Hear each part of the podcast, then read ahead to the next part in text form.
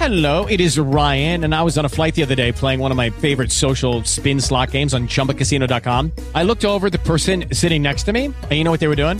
They were also playing Chumba Casino. Coincidence? I think not. Everybody's loving having fun with it. Chumba Casino is home to hundreds of casino style games that you can play for free anytime, anywhere, even at 30,000 feet. So sign up now at chumbacasino.com to claim your free welcome bonus. That's chumbacasino.com and live the Chumba life. No purchase necessary. BGW. Void were prohibited by law. See terms and conditions. 18 plus.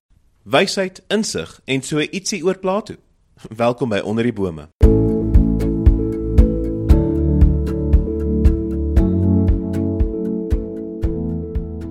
Goeiedag, jy wat honger na wysheid en kennis en jy wat altyd meer wil weet.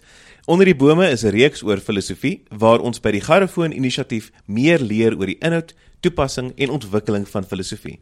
Die Garrefoon Inisiatief is 'n vereniging wat hom beywer vir die bevordering van die filosofie en filosofiese kennis in Afrikaans. Ek is Daniel Du Plessis en in die ateljee vandag is Hercules Boshoff, kenner op die gebied. Hierdie episode is met trots geborg deur Akademia. As filosofie, politiek en die ekonomiese sfeer jou fascineer, dan is Akademia se veelsidige graadkwalifikasie in politiek, filosofie en ekonomie die perfekte volgende stap in jou loopbaanreis. Besoek www.akademia.ac.za vir meer inligting. Nou ja, goeiedag Hercules en welkom hier. Ek sien daaruit om hierdie pad van wysheid saam met jou te stap. Dankie Daniel, dis vir my ook opwindend om hier te wees en bietjie met julle te gesels. Nou, nou goed Hercules, kom ons spring sommer dadelik weg en ons praat 'n bietjie oor filosofie. Ek weet die woord filosofie kom van basies twee Griekse woorde af, philos en sophia, wat letterlik vertaal beteken liefde vir wysheid. Dis reg. Ja. Maar wat presies is wysheid?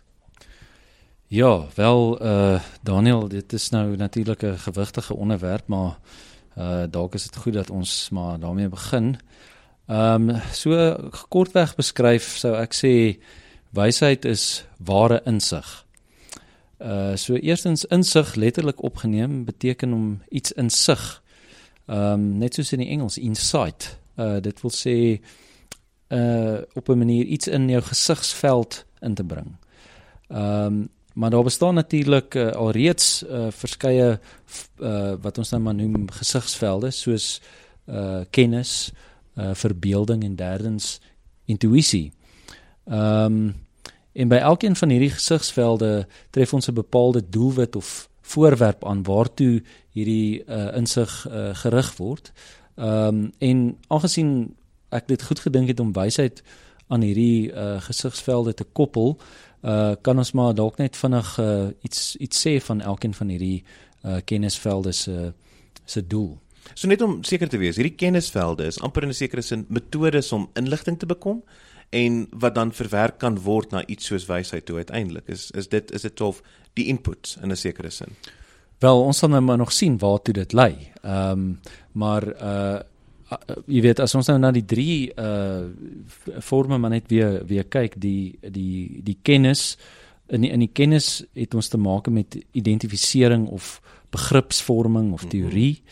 Uh die verbeelding letterlik ook beelde uh ehm um, om beelde te verskaf wat as skakels tussen idees kan dien en dan intuïsie uh wat ek nou maar uh, gebruik in die uh sin van 'n onmiddellike uh sintuiglike ervaring.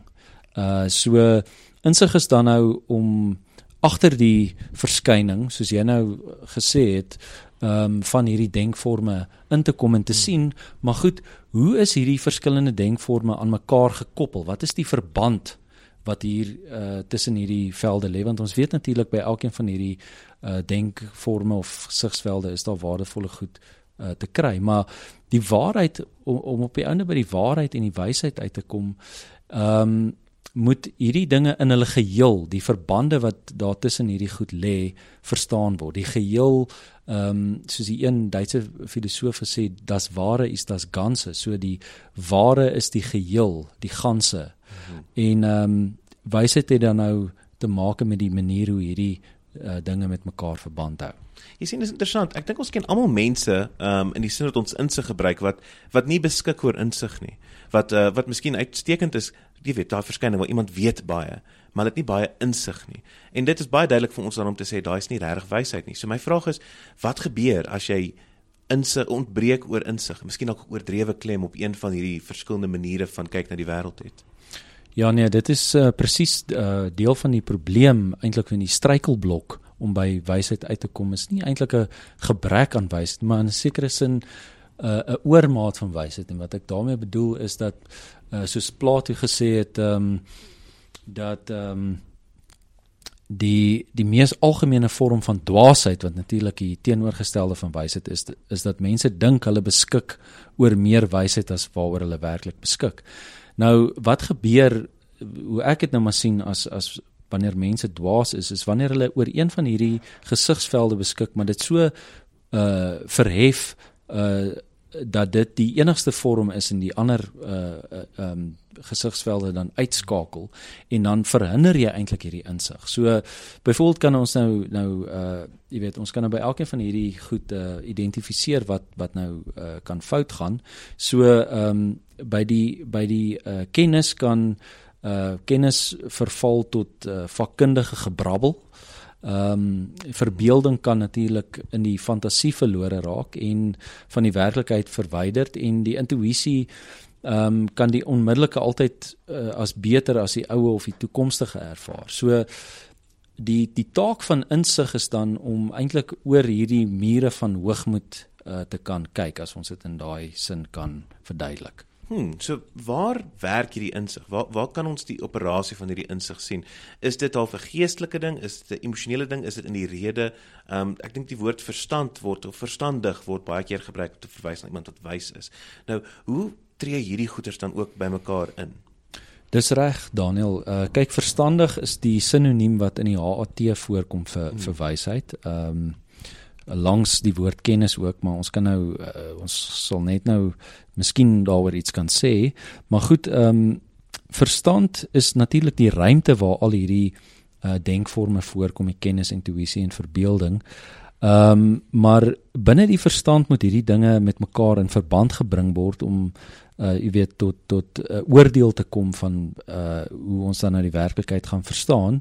En ehm um, so met ander woorde is daar 'n bepaalde harmoniering of instemming tussen hierdie uh, dele ehm um, nodig en dit word in die verstand uh, gedoen, maar dit word bemiddel deur wat ons die rede noem. En ek gebruik nou maar die die rede hier in 'n baie breë sin van die woord en wat nie hier uh spesifiek verwar moet uh, word met die woord rasionele nie want kyk rasionele kan baie keer verwys na abstrakte beginsels A + B is gelyk aan C en so aan maar rede moet in hierdie sin ook bemiddel tussen die emosie uh dit moet 'n verstaan hê van die emosie um en jy weet in hierdie opsig wanneer die rasionele so eng vir uh, uh formeel verstaan word kan die rasionele partykeer onredelik wees. Hmm. Um So deur ehm um, met die rede wat ons noem verstandigheid te bereik, die volle ehm um, gebruik van die verstand,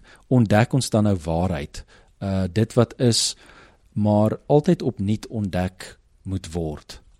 Ehm um, so ons kan sien dat ehm um, wysheid 'n worsteling behels met sowel die die die onderwerp wat ons oor wysheid soek, maar ook binne in onsself moet ons 'n bepaalde instemming hê ten opsigte van ons innerlike kragte om tot wysheid te kan kom wat wat juis die hoogmoed en hierdie goeters teenwerk. Ehm um, so ja, kyk ek dink aangesien uh insig dieper kyk as die denkforme, is dit dan natuurlik nie meetbaar aan die standaarde van die denkforme nie en ook nie 'n ideale mengsel van die denkforme nie. So as jy nou 30% kennis het en 20% in uh intuïsie en 50% verbeelding wat ook al dan gaan jy nou nie tot wysheid uh dring nie. Dit hang natuurlik nou ook van die omstandighede en die bepaalde ehm um, ja, die bepaalde voorwerp aan waar waaroor jy dan 'n wysheid wil bekom. sien ek is ek's baie geïnteresseerd in hierdie idee van die voorwerp want ons het nou baie goed teoreties gepraat. Maar my vraag is dat uh, wel meeste mense wanneer hulle dink aan wysheid is wanneer hulle wysheid soek is hulle soek praktiese oplossings amper vir 'n daaglikse probleem. Um is die wysheid net hierdie abstrakte bemiddeling om by waarheid uit te kom hierdie hierdie abstrakte waarheid of is daar ook maniere wat ons dit kan toepas op dinge binne ons verstaan in ons leefwêreld?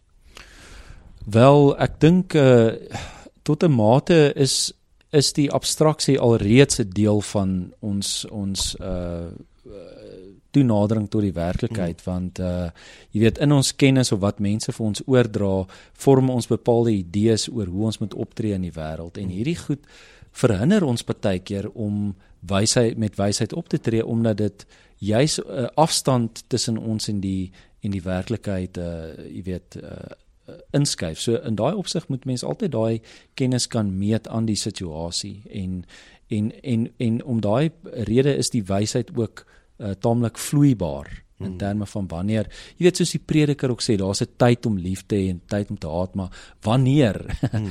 moet jy die een en die ander een doen en ek dink dis waar die verstandigheid inkom Ek verstaan. Nou op die op die laaste punt, jy het genoem ons wil eers te miskien praat oor die kennis en hoe die kennis nou intree by die wysheid. So, hoe wat is die verhouding tussen hierdie twee dinge? Ja, goed wel. Kyk soos ons nou gesê het in die HAT uh, eh, word die woord kennis nou net uh, as 'n sinoniem gebruik vir wysheid, maar soos ons nou gesien het, die die kennis lei nie noodwendig tot die wysheid nie. Dit is natuurlik handig om kennis te hê.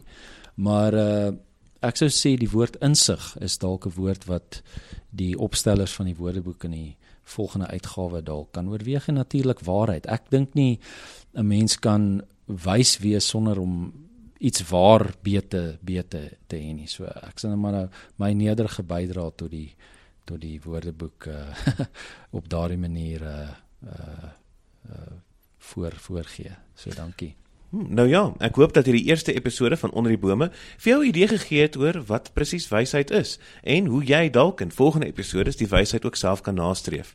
Luister gerus na die volgende episode waar Hercules ons meer gaan vertel oor daardie groot kenmerk van ons tyd, kritiek. Onder die Bome is met trots aan jou gebring deur Pot Media en die Gyrofoon Inisiatief in samewerking met Marula Media.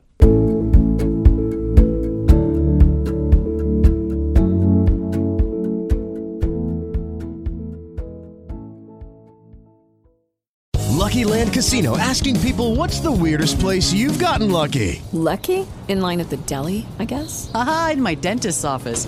More than once, actually. Do I have to say? Yes, you do. In the car before my kids' PTA meeting. Really? Yes. Excuse me, what's the weirdest place you've gotten lucky? I never win and tell. Well, there you have it. You can get lucky anywhere playing at LuckyLandSlots.com. Play for free right now. Are you feeling lucky? No purchase necessary. Void where prohibited by law. 18 plus. Terms and conditions apply. See website for details.